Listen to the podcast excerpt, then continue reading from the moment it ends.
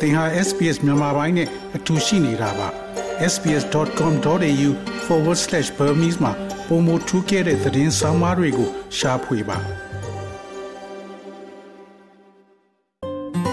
SBS မြန်မာပိုင်းကို အင်ကာနဲ့စနေနေ့ည10:00နာရီမှနားဆင်နိုင်တယ်လို့အွန်လိုင်းကနေလည်းအချိန်မီနားဆင်နိုင်ပါပြီ။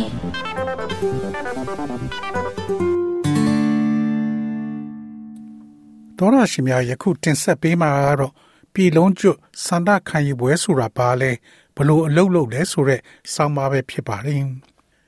တော်ရရှိများခင်ဗျာဝန်ကြီးချုပ်အန်သိုနီအယ်ဘနီစီကဌာနေတိုင်းသားများအသံကိုပြည်လုံးကျွတ်စန္ဒခံယူပွဲအတွက်ပါလီမန်သို့ကတိပြုထားတဲ့အတိုင်းလှုပ်ဆောင်ရန်ကြေညာခဲ့ပါတယ်၎င်းသည်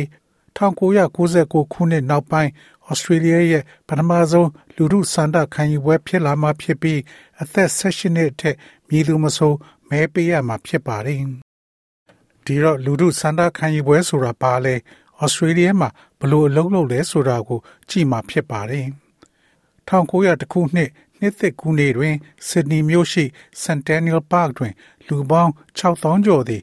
ဩစတြေးလျနိုင်ငံရဲ့ဖွဲ့စည်းပုံကို သက်သေခံရန်အတွက်စုဝေးခဲ့ကြပါတယ်။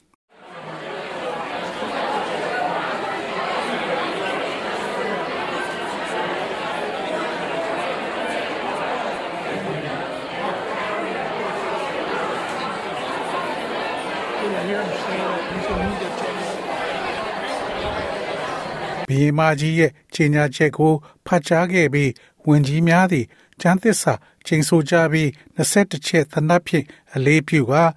ဩစတြေးလျတိုက်မှာရှိတဲ့သေချာကိုလိုနီ6ခုဖြစ်ခဲ့ရမှတခုတည်းဖြစ်စီလုံးခဲ့ပါတယ်။ဒီနိုင်ငံသစ်ကိုဘလို့အုပ်ချုပ်ရမယ်ဆိုတဲ့စီမင်းတွေချမှတ်တာက ဖွဲ့စည်းပုံအခြေခံဥပဒေဖြစ်ပါတယ်။ဩစတြေးလျရဲ့လက်ထောက်ရွေးကောက်ပွဲကော်မရှင်နာ Jeff Port ကရှင်းပြသည့်အတိုင်း နိုင်ငံဖွဲ့စည်းပုံကိုပြောင်းလဲရန်တခုတည်းသောနီလန်းမှာဆန္ဒခံယူပွဲဖြစ်တယ်လို့ဆိုပါတယ် I can only imagine that they wanted the constitution to be the principal guiding document for Australia and that they wanted to put in place a challenging test to make sure that the Australian people really considered very carefully about whether that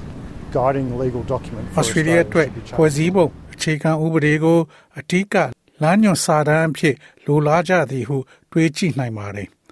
Australia လူမျိုးများသည်အဆိုပါ Australia အတွက်လမ်းညွှန်ဥပဒေဆိုင်ရာစာရွက်စာတမ်းကိုပြောင်းလဲသင့်သည်ဖြစ်စေမပြောင်းလဲသင့်သည်ကိုသေချာစေရန်စိန်ခေါ်သောစမ်းသပ်မှုတစ်ခုပြုလုပ်လိုခဲ့ကြပါသည်။ဒါပေမဲ့ပြည်သူတွေကမဲမပေးခင်မှာလွတ်တော်ကိုယ်စားလှယ်တွေကမဲပေးရမှာဖြစ်ပါတယ်။အဆိုပြုထားသော အပြောင်းအလဲများကို ဖော်ပြတဲ့ဥပဒေချမ်းကိုလွတ်တော်နှစ်ရက်လုံး သို့မဟုတ်လွတ်တော်တစ်ခုနဲ့တစ်ခုကအတီးပြုအမှဖြစ်ပြီးထို့နောက်ပြည်လုံးကျွတ်စန္ဒခံယူပွဲကို ခေါ်ယူမှဖြစ်ပြီးနှစ်လထက်မစောပဲ6လထက်မပိုပဲကျင်းပရမှာဖြစ်ပါတယ်။ရွေးကောက်ပွဲတွင် ဥပဒေပြဋ္ဌာန်းချက်အရအသက်16နှစ်နဲ့အထက်နိုင်ငံသားတိုင်းမဖြစ်မနေမဲပေးရမှာဖြစ်ပါတယ်။မဲဆန္ဒရှင်တဦးစီအား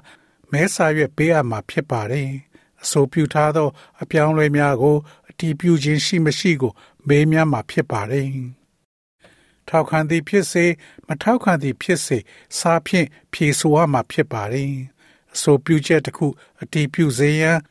လိုအပ်ချက်တဲ့နစဖြစ်သော ထောက်ခံမဲကိုရရှိရမှာဖြစ်ပါတယ်။အဲ့ဒါကတော့ပြည်လုံးကျွတ်စန္ဒခံယူပွဲအတည်ပြုရန်အတွက်ပေးသောမဲရည်အတွက်မှာ90ရာခိုင်နှုန်းကျော်ရရှိဖို့လိုအပ်ပါတယ်။နိုင်ငံတော်ဝန်ရှိ မဲဆန္ဒရှင်အများစုနဲ့ပြည်내6ခုနဲ့အနည်းဆုံး၄ခုမှမဲဆန္ဒရှင်အများစုသည် ပြင်ဆင်ချက်ကိုသဘောတူရမှာဖြစ်ပါတယ်။ ACT နဲ့မြောက်ပိုင်းနယ်မြေများပြင်ပနယ်မြေများကမဲများကို National Vote အနေနဲ့ထည့်သွင်းစဉ်းစားမှာဖြစ်ပါတယ်။ If the referendum is successful and passes that two part test,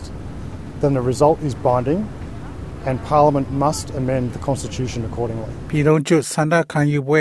အောင်မြင်ပြီးအဆိုပါအပိုင်းနှစ်ပိုင်းကိုစမ်းသပ်အောင်မြင်ပါကရလဒ်မှာတရားဝင်စည်းကြပ်ပြီးလွတ်တော်ဖွဲ့စည်းပုံအခြေခံဥပဒေကိုလိုက်လျောညီထွေဖြစ်အောင်ပြင်ဆင်ရမှာဖြစ်ပါတယ်။ဖွဲ့စည်းပုံအခြေခံဥပဒေစတင်အသက်ဝင်ပြီးတ122နှစ်အတွင်းဩစတြေးလျနိုင်ငံသားများသည်၎င်းအားပြောင်းလဲရအမြဲတမ်းလိုတွန်းဆုတ်နေခဲ့ကြပါသည်။ ယနေ့အထိစန္ဒခံယူပွဲ44ခုရှိပြီး၈ကြိမ်သာအောင်မြင်ခဲ့ပါတယ်။သောရရှိမြခင်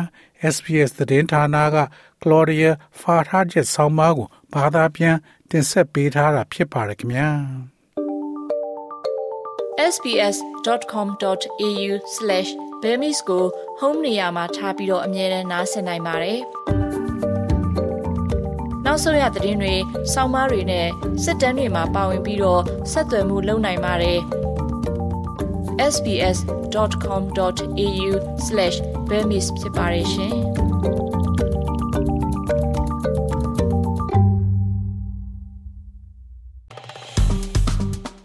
SPS မြန်မာပိုင်းကို Facebook ပေါ်မှာ like ရှာပြီး like မျှဝေမှတ်ချက်ပေးပါ